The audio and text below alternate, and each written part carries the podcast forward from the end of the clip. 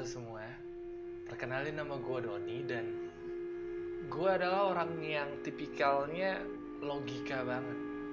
Jadi gue nggak percaya kalau gue belum lihat atau mendengar sendiri gitu, belum ngalamin. Tapi kayak mereka maksa gue untuk mempercayai bahwa mereka itu ada. Entah, entah mereka ingin eksistensi karma buat gua